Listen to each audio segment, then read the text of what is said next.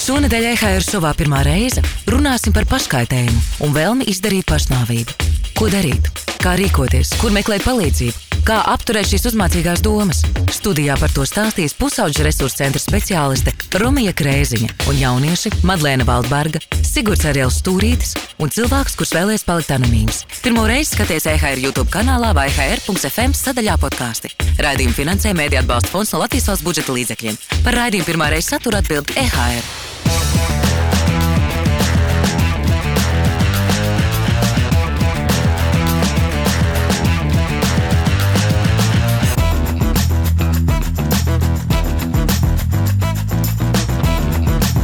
Čau, čau, čau! Pirms neilga laika šovā pirmā reize mēs runājam par mentālās veselības traucējumiem, ar ko saskars liela daļa mūsu jauniešu. Šajā šovā nu jau mēs runāsim par nopietnākiem traucējumiem, par paškaitējumu un pat pašnāvības mēģinājumiem. Kas notiek ar cilvēku tad, kad viņš tik ļoti ar sevi netiek galā, kad grib izbeigt savu dzīvību?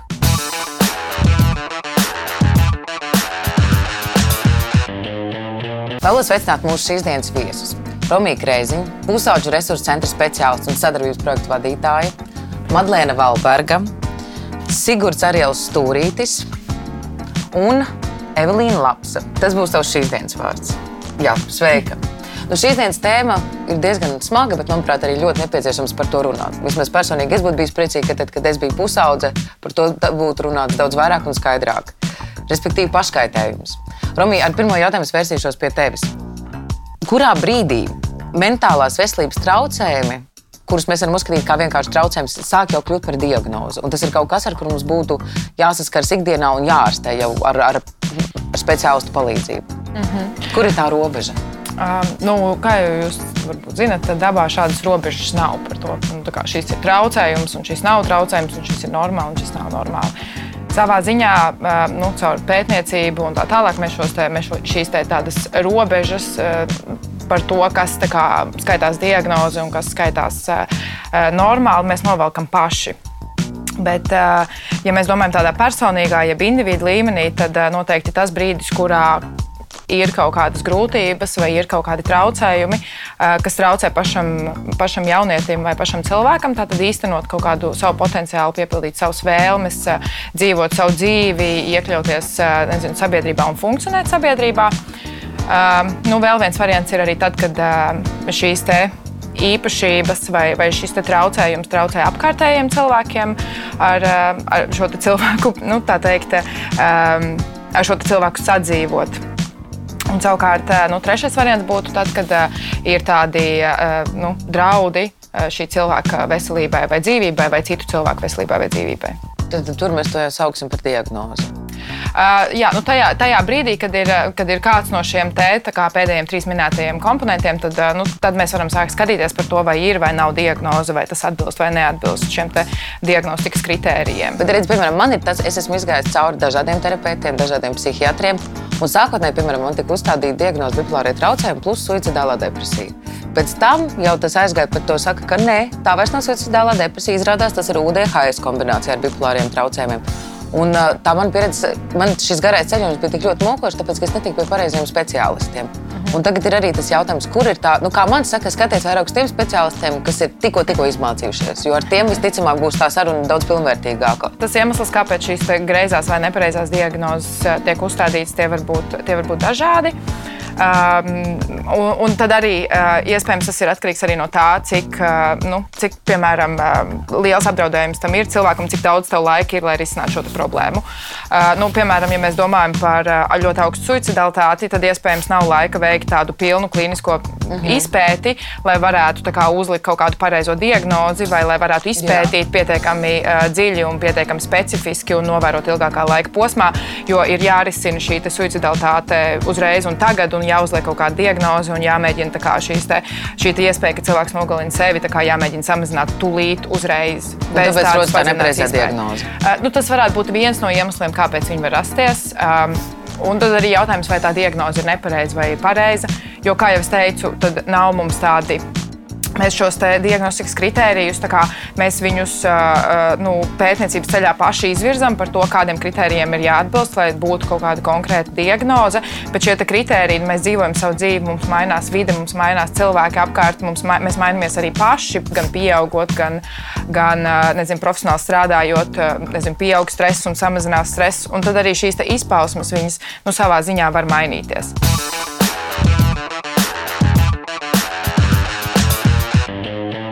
Man tā vislielākā problēma ir robežu stāvokļa personības traucējumi.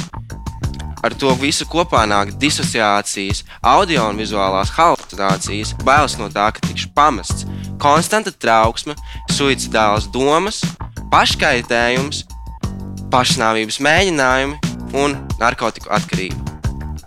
Es šobrīd dzīvoju ar to jau nu, trīs ar pus gadus, un es neesmu ticis ar to galā.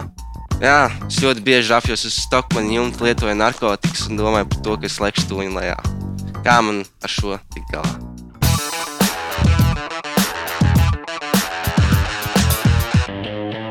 Depresija ir tā, ka es uzskatu, ka tas ir bioķīmijas process smadzenēs. Tas ir man, es tā sev to esmu paskaidrojis. Un tad man ir jautājums tev, kā, kā speciālists varētu raksturot depresiju? Depresijas ir dažādas.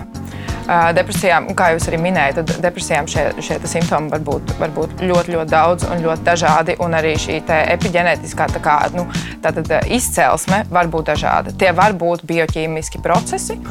Um, Tāpat laikā būs daļa cilvēku, kuriem tie nebūs bioķīmiski procesi, bet tas nenozīmē, ka viņu kā, ciešanas vai viņu grūtības nav īstas. Kā jums šķiet, man ir jautājums, vai jūs, vai jūs esat saskārušies ar depresiju? Nu, es esmu draugs. es esmu ļoti daudz saskārusies. Es esmu, jā, visu laiku ir tāda depresija. Daļai jau gadus. Jau vairākus gadus. Jā, ir tā, ka man zūd interese pret visu. Nu, tā kā, nekā, nu, tā kā nekas nedod prieku. Nu, kā, tas ir kā suicīdisms, sliktas domas. Nu, liekas, ka vienkārši tā kā, neko nevēlies vairāk tu negribi, lai tev kļūst labi, tu vienkārši gribi, lai tev beidzas tas viss. Tas, tas, kā, jā. Bet kā izdodas uz brīdi kaut vai no tā? Kā izdodas ar narkotikām? Tā kā, vai, tā ģimene nepalīdz nekādā veidā.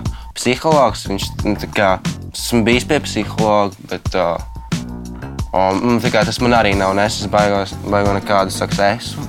Es neesmu jūties baigi labāk izrunājoties ar psihologu, ņemot vērā to, ka esmu trīs reizes bijis psihiatriskajā klinikā un gājis cauri kaut kādām dažādām terapijām.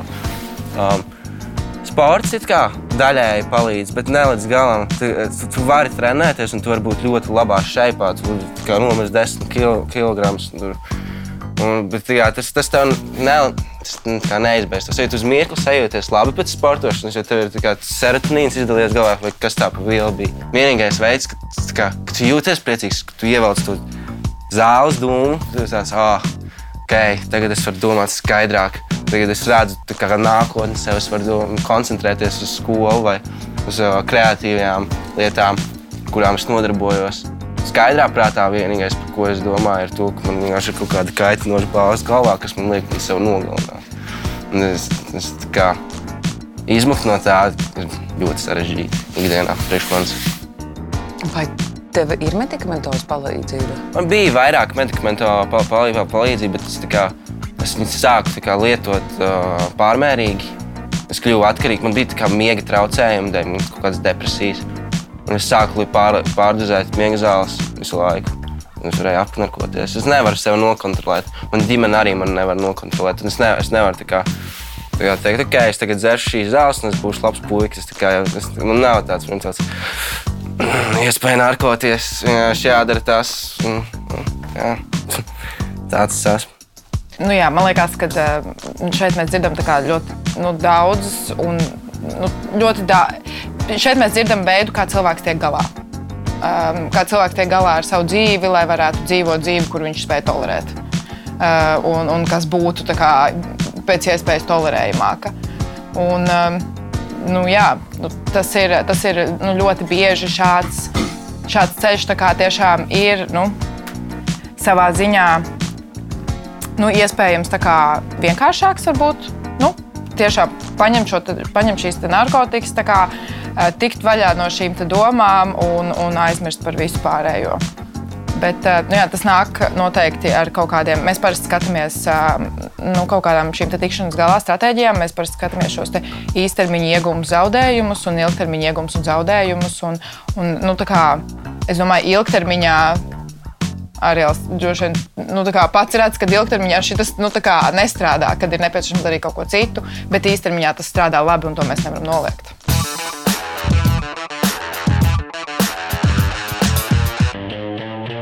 ļoti, ļoti ilgu laiku es eh, diezgan ļoti cīnos ar tādu problēmu, kas ir ēšanas traucējumi, jo es esmu dejotāja un man visu manu dzīvi vienkārši priekšā ir cilvēki un spoguļi. Tā ir lieta, ar ko es joprojām cīnos. Es neesmu īpaši ar to tikusi galā. Man ir ļoti grūti saskaties ar ēdienu. Tas nav tā, ka man liekas, ka ēdiens ir kaut kas slikts un man vēlās, es vēlos ēst mazāk, jo es gribu būt tievāka vai slaidāka. Bet tas parasti ir mans tāds komforta meklējums vakaros, kad es, piemēram, visu dienu esmu bijusi lielākajā dzīves steigā un skrējienā. Un tad es atnāku mājās, atceros, ka es visu dienu nesmu ēdus, jo tas ir kaut kas, par ko esmu vienkārši aizmirsusi. Un tad pienāk tas vakars, es apsēžos savā gultā, ieslēdzu seriālu un uh, sāku vienkārši burtiski binge ītot. Un, um, es vienkārši nespēju apstāties. Un, uh, Nākamajā rītā es jutos par to ļoti, ļoti slikti. es esmu naktas murgojis, jo tas vienkārši ir fiziski ļoti slikti ēst un uh, iet gulēt. Jo tas vienkārši tavs ķermenis nespēja atpūsties, jo viņš pārstrādā to ēdienu. Bet um, es nezinu, kā to īsti varbūt šobrīd labot.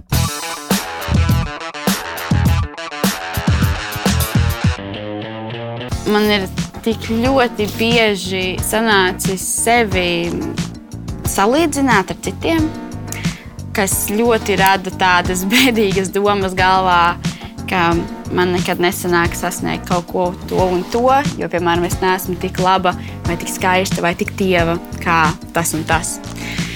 Cik tā vēl tievākai būtu jābūt? Tad ja mēs to neredzēsim. Jā, nu, man tā neliekas kad es skatos spogulī, man, uh, man neliekas, ka man pretī stāvu es. Man uh, ļoti bieži ir tā, ka nu, fiziski skatos pretī uz savu atspoguļu. Nu, tiešām gribās raudāt, jo man tā ir iebjās, kas man stāv pretī. Un, uh, bet es domāju, ka liela daļa no tā viss ir uh, patiesībā sociālajā medijā kas mūsdienās ir diezgan liela problēma, jo tev visu laiku tiek prezentēta šī ilūzija par to, kādam tev vajadzētu būt vai nevajadzētu. Un, nu, jā, un, un tas ir tas, ar ko es vairāk cīnos, ar kaut kādiem tā saucamiem self-image, uh, body dysmorphia un uh, tādām lietām, kas nu, patiesībā ir diezgan. Diezgan izplatīti liekas, šajā industrijā. Tīpaši, ja tas ir dejošana, sports, akrobātika, kur tev tomēr tavs svars un tavs ķermenis un tava forma ir nu, tavs uh, darba instruments. Kā tu ar to tiec galā? Vai tu tiec ar to galā vispār? Ja godīgi, šobrīd es ar to netieku galā. Nav arī tā, ka es baigas meklēju palīdzības, bet man liekas, ka viens no tādiem pirmiem soļiem, ko es esmu pat priekš tevis izdarījis, ka es apzinos, ka tā ir problēma, ka es zinu, ka tā ir. Es ar to esmu runājis ar saviem draugiem, bet es neesmu meklējis profesionālu palīdzību. Um, jo varbūt manā prātā tas neliekas tik klīniski slikti, nu, tā, ka vajadzētu kaut ko tādu. Bet, nu, jā, un, uh, kaut kā ļoti izpaužās, protams, ar ēšanas traucējumiem. Tas, kā es arī sev dažreiz daru pāri, vienkārši kas nēdu, vai tieši otrādi ēdu ļoti daudz un kas nevar apstāties. Nu, tā, um, šobrīd es nevaru teikt, kas ar to esmu tikus galā, vai kas cenšos ar to tikt galā. Es vienkārši cenšos izdzīvot un būt šeit. Un, uh, darīt pēc iespējas labāk, ko es varu, cenšoties to visu atstāt kaut kādā otrajā plānā. Tu neesi gatava iet tagad meklēt palīdzību pie terapeita. Un tad ir jautājums, nu, ko jūs abi jau iezīmējat. Vai visiem ir vajadzīgs meklēt palīdzību pie terapeita? No. Vai tas visiem var palīdzēt? Es domāju, nu, primāri um, terapijas procesā mēs uzstādām mērķus, ar kuriem mēs esam šeit. Un mēs uzstādām mērķus ar to, kas ir tā dzīve, kur tu gribētu dzīvot, kas ir tā dzīve, ko tu redzi kā vērtīgu dzīvot. Um, kas ir tas, pie kā tu gribi strādāt. Un, ja Madlēna, piemēram, atnāktu un teiktu, um, es vēlos ēst veselīgi un samazināt savu vakaru uh, jo es tādā veidā sev nodaru pāri un es vēlos to atrisināt, tad tā, tad tā ir pilnīgs, nu, pilnīgi valīds iemesls, kāpēc nāk pie terapeita. Um, Vai, piemēram, ja, viņu, ja, ja, ja šī, šī lieta būtu aizgājusi tik tālu, ka mēs varam sākt runāt jau par, nezinu, piemēram, par anoreksiju un par to, ka ir apdraudējums viņas dzīvībai, vai ne? Nu, tajā brīdī viņai arī būtu jāsaņem terapija, un tad savukārt terapeits strādā par to, ka mēs atrodam šo iekšējo motivāciju. Nu, kā, kāpēc, tev, nu, kāpēc tev vajadzētu pārtraukt šo uzvedību? Nu, kā bija savādākas tās attiecības. Mm -hmm. Bet, uh, ja Madlēnai pašai, kā, ja viņa apzinās šo problēmu un viņa aktīvi meklē risinājumus un stratēģijas, kādā veidā sev palīdzēt, jo principā tas ir tas, ko tu dari terapijā tu me, kopā ar terapeitu profesionālā veidā meklē risinājumus un stratēģijas, kā kaut kādas nevēlamas uzvedības aizvietot ar vēlamām uzvedībām. Un, ja viņi to pati dara savā dzīvē, un, un ja viņi to dara prasmīgi, un, un viņai tas izdodas, nu, uh, piemēram, viena no lietām, kas man ienāk prātā, ir iztīrīt savu sociālo tīklu saturu nu, atsakot visam, visa, jebkādam saturam, kas ir saistīts ar body image, uh, un, un piesakot tikai tam saturam, kas, at, a, nu, kas attēlo reālus īstus dzīves cilvēkus ar, ar strijām un vēderšiem.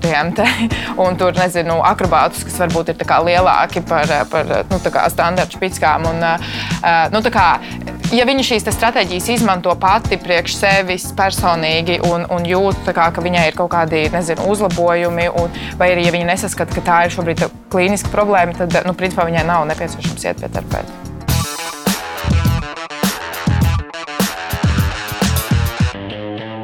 Mans paškaitējums stāsts sākas ar pirmo Covid lockdown, kad es viena pati biju mājās. Tā vientulība, ko es piedzīvoju, man atgādināja to pašu vientulību, ko es piedzīvoju pēc savas pirmās reizes, kad mani seksuāli izmantoja, kad es biju ļoti jauna. Es sāku sev nodarīt paškaitējumu tādēļ, ka tajā brīdī es jūtos tā, it kā manas sāpes, ko es jūtu fiziski, būtu lielākas nekā tās, ko es jūtu emocionāli. Tad es turpināju par to bēdāties, it kā likās, ka viss būs kārtībā līdz pāris mēnešus vēlāk. Tāpat man arī sāk izturēties mans tā laika draugs. Tā kā es biju iemīlējusies, man likās, ka tas būs viss, kas man būs. Kā, nu, es tieši liku tam mazliet nosēsties. Man liekas, ok, tas, ka viņš to pret tevi dara, tas tikai tāpēc, ka viņš tevi mīl. Tas nav nekas tāds, ko tā man būtu jāuzņem baigi personīgi. Kaut arī tas joprojām man lika justies slikti. Un, It kā es biju, man liekas, kas arī bija beigusi sev nodarīt paškaitējumu, kaut arī es to turpināju darīt. Netieši es turpināju lietot uh, alkoholu vienu pati, kad es biju mājās. Un es arī turpināju sev it kā bez tā it kā bez griešanās, bet turpināja sev ļoti sāpīgi skrāpēt, tādā veidā izraisot tieši to pašu efektu. Par šo līdz šim es vispār neesmu runājusi, tādēļ, ka man joprojām ir licies, ka šo paškaitējumu sev nodarīju uzmanības pēc, kaut arī es nevienam par to nestāstīju, kas mazliet nešķiet kā uzmanības meklējums.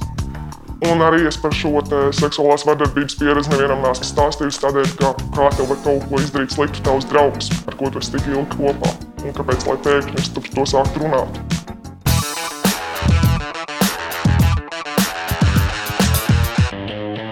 Tas, kas man palīdzēja tikt vaļā no šīm attiecībām, bija, es sāku cienīt sevi. Un veids, kā es sevi sāku cienīt, patiesībā šķiet mazliet muļķīgs. Lai risinātu citas veselības problēmas, man izrakstīja hormonālo kontracepciju. Es sāku šīs zāles lietot, un pēkšņi man tā atvērās acis pret visu. Un es pēkšņi sāku cienīt sevi. Un es sapratu, ka, ja es vēlos justies labāk, man nevajag, man nevajag iet prom no šīm attiecībām, man nevajag saņemties. Ja es vēlos justies labāk, man nevajag vairāk sev nodarīt pāri. Un es pēkšņi sāku redzēt, es nomainīju savu pilnībā visu vidi. Un tad es arī sapratu, ka vienīgais veids, kā es varu būt patiešām priecīga, ir tad, kad es sāku saskatīt to, ko es vēlos sevī saskatīt. Romi, tagad es atkal prasīšu tev komentāru. Tad, kad tu esi ļoti ilgi dzīvojis vidē, kura tavas sajūtas, tavas emocijas neuzskata par kaut ko vērā ņemamu, tu iemācies uzvedību viņas eskalēt līdz maksimumam, lai panāktu beidzot, ka apkārtējā vide tevi pieņem vai, vai iekļauj vai mīl. Un, un tajā gadījumā mēs varam sākt runāt piemēram, par paškaitējumu beigšanu, kā par uh, uzmanības pievēršanu, ko mēs traktējam kā kaut ko sliktu. Bet patiesībā vide, uh, tad, kad mums ir šī ne, nepieņemošā vide, kura, kurā, mēs, kurā mūsu emocijas nav, kurai mūsu emocijas nav svarīgas, līdz brīdim, kamēr notiek kaut kas līdz brīdim, kamēr mēs sākam bļaut dusmās, vai Nu, līdz brīdim, pievērst kamēr uzmanību jā, pievērst uzmanību, ka mēs beidzot mūsu vajadzības tiek apmierinātas. Nu, jā, tad mēs varam savukārt runāt par šo te. ā, Šādu veidu uzvedību, kā, kā uzmanības pievēršanas stratēģiju. Jā. Bet, nu, tas ir arī tā ir interesanta tēma, ko tu arī uzsāki. Bet es ātri vēl tikai nobeidzot ievēršu. Vai tev bija palīdzība no ģimenes puses? Nē, man ģimene par to pilnībā neko nezina. Neko nav zinājusi, tāpēc, ka es ļoti labi mācīju noslēpt. Un aizvien vēl nezinu. Jā. Nezinu, manuprāt. Bet tu gribētu kādreiz ar viņu par to runāt? Es nezinu, vai viņi spētu mani saprast.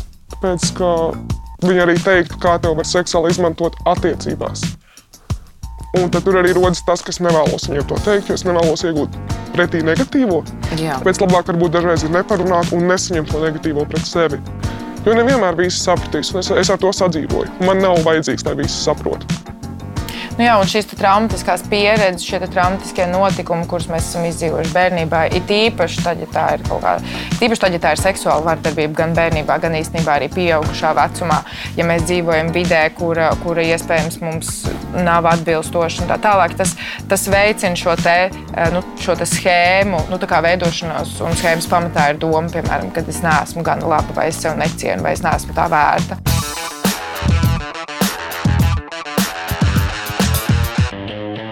Kāpēc viena cilvēka ir uzņēmīgāka nekā citi pret mentāliem traucējumiem? Kāpēc ar vienu tas vairāk notiek? Um, es to saucu par laimes spēli. tā kā um, videi ir uh, potenciāls. Nu, mēs katrs piedzimstam ar kaut kādu savu komplektiņu, uh, ko mēs saucam par šo predispozīciju. Uh, un uh, videi ir tas potenciāls no šīs mūsu predispozīcijas izvilkt ārā kā, to labo, piemēram, un izvilkt ārā arī to netik labo. Um, un, um, nu, tā kā vide ir, vide ir tas palai, nu, teikt, palaidē mehānisms, kas, kas ļauj tai ģenētiskajai predispozīcijai visu atšķirēt. Bet ar vidi mēs, uh, mums liekas, ka ar vidi mēs uh, ļoti bieži saprotam, nu, kā vide tas nozīmē kā labvēlīga vide, kur mēs visi tur rūpējamies, mīlam un tā tālāk. Un tā tālāk un tad ir nelabvēlīga vide, kur mēs nezinu, uh, sitam, bļaujam, lietojam narkotikas ģimenē un tā tālāk. Un tā būtu tā nelabvēlīgā vide. Bet patiesībā katram individam ir sava personīgā labvēlīgā vide, kas tikai viņam strādā. Piemēram, bērnam ar UDHS īstenībā vislabāk, vislabākā vide strādātu, piemēram, kārtīga, sastruktūrizēta māja, tur ļoti apzināti vecāki, kas viņam palīdz tur īstenot viņa potenciālu Grafiks. un tā tālāk. Grafiks, jā, tur kārtība un tā tālāk, bet mīloša un viņu uzvedību tā kā pieņem, nu, tā kā uzvedības izpausmes pieņemoša, bet arī pat laikā koriģējoša un tā tālāk. Un tā tālāk. Um, nu, savukārt, uh, citam cilvēkam, kuram iespējams šī UDH predispozīcija nav, un viņš varbūt ir piedzimis tāds, kuram ir vajadzīgs nu, nedaudz vairāk haotisms, šis var būt traumatiski. Nu, nav vienas labvēlīgās vidas. Tas ir jāstāsta pēc katra individa. Jā, mēs ļoti skaidri varam nodalīt, kas tā kā točni visiem ir nelabvēlīgā vide, jo tā nelabvēlīgā vide visus jūsu komplektiņus izvilks uz ārā un jums ar viņiem visiem vajadzēs. nu, tā kā visas tās, tās nevēlamās ģenētiskās predispozīcijas nelabvēlīga vide izvilks ārā. Uh, savukārt, uh, labvēlīga vide tad, tad ir jāskatās un individuāli jāpielāgo.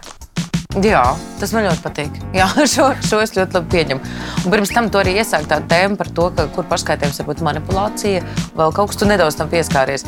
Un tas, man, tas arī ir jautājums, jo kur mēs varam redzēt šo, saprast to atšķirību, kur tā ir tā kā veids, kā tu gribi pateikt, hallo, man kaut kas nav kārtībā, bet tu vienkārši nevari to citādi izdarīt. Bet kur tiešām cilvēks grib izbeigt šo dzīvību? Eh, kā, man liekas, eh, mēs, um, uz, tā kā, tas, ka mēs gribam pievērst uzmanību, mēs to uzreiz automātiski saprotam ar kaut kādu manipulāciju. Bet tā kā pat cilvēki, kuri, kuri vēlas ar šo te, respektīvi, iedomājies, tu esi situācijā, kurā tu, nezinu, esi sasrīdējies ar savu draugu, un tava vienīgā izejas stratēģija galvā, kas ir šajā situācijā, ir sevi nogalināt kad no manis nu, kā, kad tas ir vienīgais risinājums šai situācijai. Es neredzu citu risinājumu, kā nomirt. Vai es neredzu, nu, tā kā, un tas nav. Uh, tas nav uh, manipulējoši. Nu, es negribētu teikt, ka tas ir manipulējoši, jo tas ir tieši tikpat sāpīgi tam cilvēkam, kurš to piedzīvo, kā tiem cilvēkiem, kas ir apkārt. Un tāpēc mums liekas, ka oh, viņš tur nezinu, graiz rokas, eh, lai pievērstu uzmanību, tāpēc mēs viņam nepievērsīsim uzmanību. Un tā nav pareizā stratēģija. Tāpēc, ka mēs varbūt nepievērsīsim uzmanību tam, ka šim cilvēkam ir sagraizītas rokas, bet mēs ar viņu, mēs viņu ļoti aktīvi nezinu, veidosim ar viņu pozitīvu komunikāciju. Mēs eh, brauksim, eh, nezinu, kaut kādos tur, nu, kā ģimenes locekļi, mēs brauksim tur, veidosim pozitīvas atmiņas ar to cilvēku. Mēs viņam, mēs viņam palīdzēsim, piedāvāsim palīdzību, mēs ar viņu vairāk pavadīsim laiku, mēs ar viņu runāsim, mēs uh, palīdzēsim viņam kaut kā sastruktūrizēt, iespējams, savu vidi vai, vai pievērsties kaut kādai interešu izglītībai. Nu, respektīvi, tajā brīdī, kad, kad kāds sev dara pāri, ja vienalga, vai tas ir uzmanības vai nav uzmanības dēļ, tas nav, tas, tas nav mūsu, nu, kā, tas sāpes jebkurā gadījumā būs vienlīdz sāpīgas. Mm -hmm. Vienalga, vai tas ir uzmanības vai ne dēļ. Un, un, un tās rīcības stratēģijas, kā mēs šiem cilvēkiem varam palīdzēt, pa lielam nemainās. Viņam tāpat tās ir nepieciešama šī mīlestība.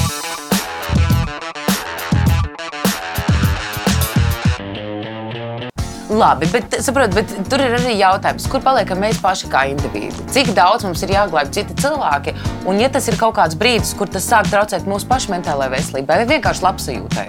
Vai ir kaut kāds brīdis, kur mēs varam atkāpties un mēs varam nebūt tie super sliktie cilvēki, kas ir nodarbojušies ar sodu, bet vienkārši ir parūpējušies par sevi? Jā, tur ir jāsaprot, kurā, kurā situācijā tu vari tāds būt un pret kādu cilvēku tev vajadzētu būt. Jo, manuprāt, tu vari diezgan viegli nolasīt. Var, tu vari nolasīt cilvēku, kurš mēģina no tevis kaut ko dabūt ar tiem vārdiem. Tu vari saprast, ah, kā ja tu nenāks, un es, tur, kā, es jau tikai griežos dažreiz, vai kaut, kā, kaut kādas tādas, tā, tādas lietas. Bet, uh, sacīja, bet manuprāt, ka, nu, pieņemsim, Kā pirms ir tādas tā kā, emocionāli kā, attiecības, kas ir toksiskas attiecības, un kas man bija vienmēr draudz. Ir cilvēki, kas, kā, kā piemēram, kā es, kas uh, neapzināti izmanto emocionālo ma manipulāciju. Kas, piemēram, kad tu, cilvēks grasās tūdei pamest, vai arī nobuļot, vai jūs kaut ko tur strīdaties, un jūs nonākat pie tādas situācijas, kad, piemēram, es, kā, uh, nu, es esmu ļoti emocionāls, un es savas emocijas nespēju nokontrolēt. Tad, kad es jūtos bēdīgi, es, es tajā nerunāju loģiski. Es nespēju, es nespēju kā, racionāli izdomāt kaut kādu teikumu vai nonākt pie kaut kāda kā, kompromisa. Kā, man ir bieži vien cilvēki nesaprot. Tajos, un, vien, un es nespēju izteikt savas sāpes, kad es strīdos ar cilvēku. Un, un tāpēc es saku, ka es nevaru pateikt, nevarēju pateikt tajā laikā savai draudzene, ka man ir reāli problēma mentāli, ka man ir bail, ka mani pamet cilvēki, ka tu mani pametīsi, tu mani atstāsi. Es ļoti kā, baidos no šīs sajūtas. Es negribu būt viens, un kā, man liekas, ka tas ir drausmīgi. Un, um, kā, tas vienīgais, kas bija, es tā nevarēju pateikt. Tas, tas ko es teicu, bija tas, ka Dievs, kā, ja tu mani pametīs, man tiešām nebūs kā, jēga dzīvot. Man, man liek, jo man tā liekas. Aha. Man liekas, ka, ja tu aizies prom, tad es negribēšu būt. Es gribu būt tikai ar tevi. Nu, un, un es mēģinu viņai to ieskaidrot, bet viņa to nesaprot. Es viņai pasaku, ka es sevi reāli nogalināšu. Nu, jā, ja tu aizies prom, un tad, kad viņa tā kā, un tad, kad notiek, redz, tā kā, piemēram, tā, kā tā bloķēšana WhatsApp, vai ne, kad vienkārši tu tiec katāfots un tam cilvēkam apnīk, ka tu rakstīs vienkārši tādas vēstules viņam par to, un viņš jau tevi ir ignorējis, viņš tev nobloķē. Um, tad tu vienkārši reāli arī to izdari. Jo tad, kā, vari, tas izskatās, ka tā ir emocionāla manipulācija, bet priekš manis tas tajā reizē vienkārši izdzēra visu buļbuļsāģiņu ar kaut kādu vokadeksu. Nē, tas bija filtrs. Nesaka nosaukumu. Jā, bet... Tas ir tas, ko man terapeits teica. Nekad nesaka citam veidus, kā tu to esi darījis, un neiedod idejas. Ļoti spēcīgs smiega zāles, toksisks. Kur es izdzēru visu buļbuļsāģiņu, bija drausmīgi, gandrīz nomiris nonāca slimnīcā, pie sistēmas, tika piesiets pie gultas. Tur traki bija. Visu nakti čurāja gultā. Nu, ļoti traka pieredze, bet nu, jā, tas notika. Tas notika, ka tu nevarēji, jo tu nevarēji izteikt to, ko tu patiesībā gribēji. Nu, jā, un, un, un es, jā, es nevaru. Tas ir vienīgais veids, kā es varu pirms pateikt to, ka man sāp un ka man vajag palīdzību. Nu, man nevajag palīdzību. Vienkārši vajag, lai tu paliec. Kā, jo, bet, nu, es drīkstu to ieturpināt. Nu? Es tā kā, ja tu man, nu, man liekas, ka mēs esam vienmēr un vispirms visatbildīgākie paši par sevi un savu veselību, uh, fizisko un mentālo. Un, uh, ja, piemēram, ja būtu šādas attiecības, es kā cilvēks noteikti sevi ņemtu ārā no kaut kā tāda, jo es zinātu, ka tas ļoti, ļoti sliktā veidā ietekmē mani. Un tāpēc mums ir arī kaut kādā veidā jāatcerās, ka mēs nevaram piespiest citus cilvēkus darīt kaut ko vai palikt situācijā, kurā viņi nevēlas. Un mums ir vienkārši vienmēr jāatcerās to, ka at the end of the day mums katram pašam par sevi ir jāparūpējas. Un par ko mēs arī pirmie runājam, par to, ka mums ir jāmīl sevi. Un, uh, un mēs, diemžēl, ja mēs tiešām tos cilvēkus mīlam, un ja viņiem tiešām ir sāpīgi palikt tajā situācijā, mums viņi ir jāpalaiž. Jo tas viņiem droši vien nodara lielāku kaitējumu nekā mums pašiem. Paldies jums visiem trim. Sāksim ar to, ka jūs bijāt tik drosmīgi un dalījāties. Jo es domāju, ka tas, ko jūs šodien pateicāt tiem cilvēkiem, kas mūs klausīsies, tas ļoti, ļoti daudz var palīdzēt. Pirmkārt, saprast to, ka tu neesi viens pats kaut kādās situācijās, un ar to, ka arī ir iespējams ar to tikt galā. Vai, vai arī nav nekas slikts, ja tu netiec tik viegli galā. Jūs pat nevarat iedomāties, kādu zelta darbu jūs esat šodien izdarījuši. Tas ir tiešām milzīgs paldies jums. Tas ja kaut ko, ko es pat arī no sevis savas pieredzes pateiktu, tad, kad es dzirdu, ka kādam citam ir līdzīgi, tad tas man uzreiz liek justies vieglāk. Jo es nejūtos vairs tik vientuļi. Un mēs neesam vientuļi. Mēs paskatieties, cik mēs forši parīt šeit esam. Visi mentāli, visiem viss ir kārtībā, nu nosacīti. Bet tā kā viss ir labi, mēs neesam vieni paši.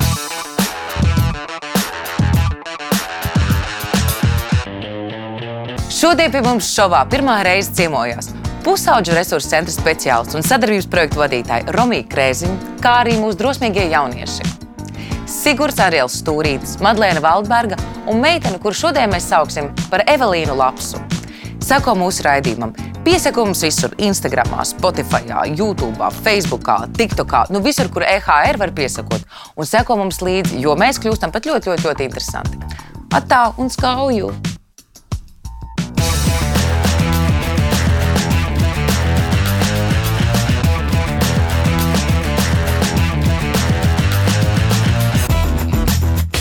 Šonadēļ EHR šovā pirmā reize runāsim par paškaitējumu un vēlmi izdarīt pašnāvību. Ko darīt? Kā rīkoties? Kur meklēt palīdzību? Kā apturēt šīs uzmācīgās domas?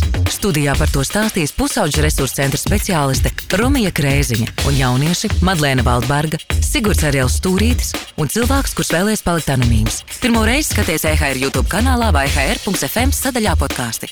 Raidījumu finansē Mēdī atbalsta fonds no Latvijas valsts budžeta līdzekļiem. Par raidījumu pirmā reize satura atbild EHR.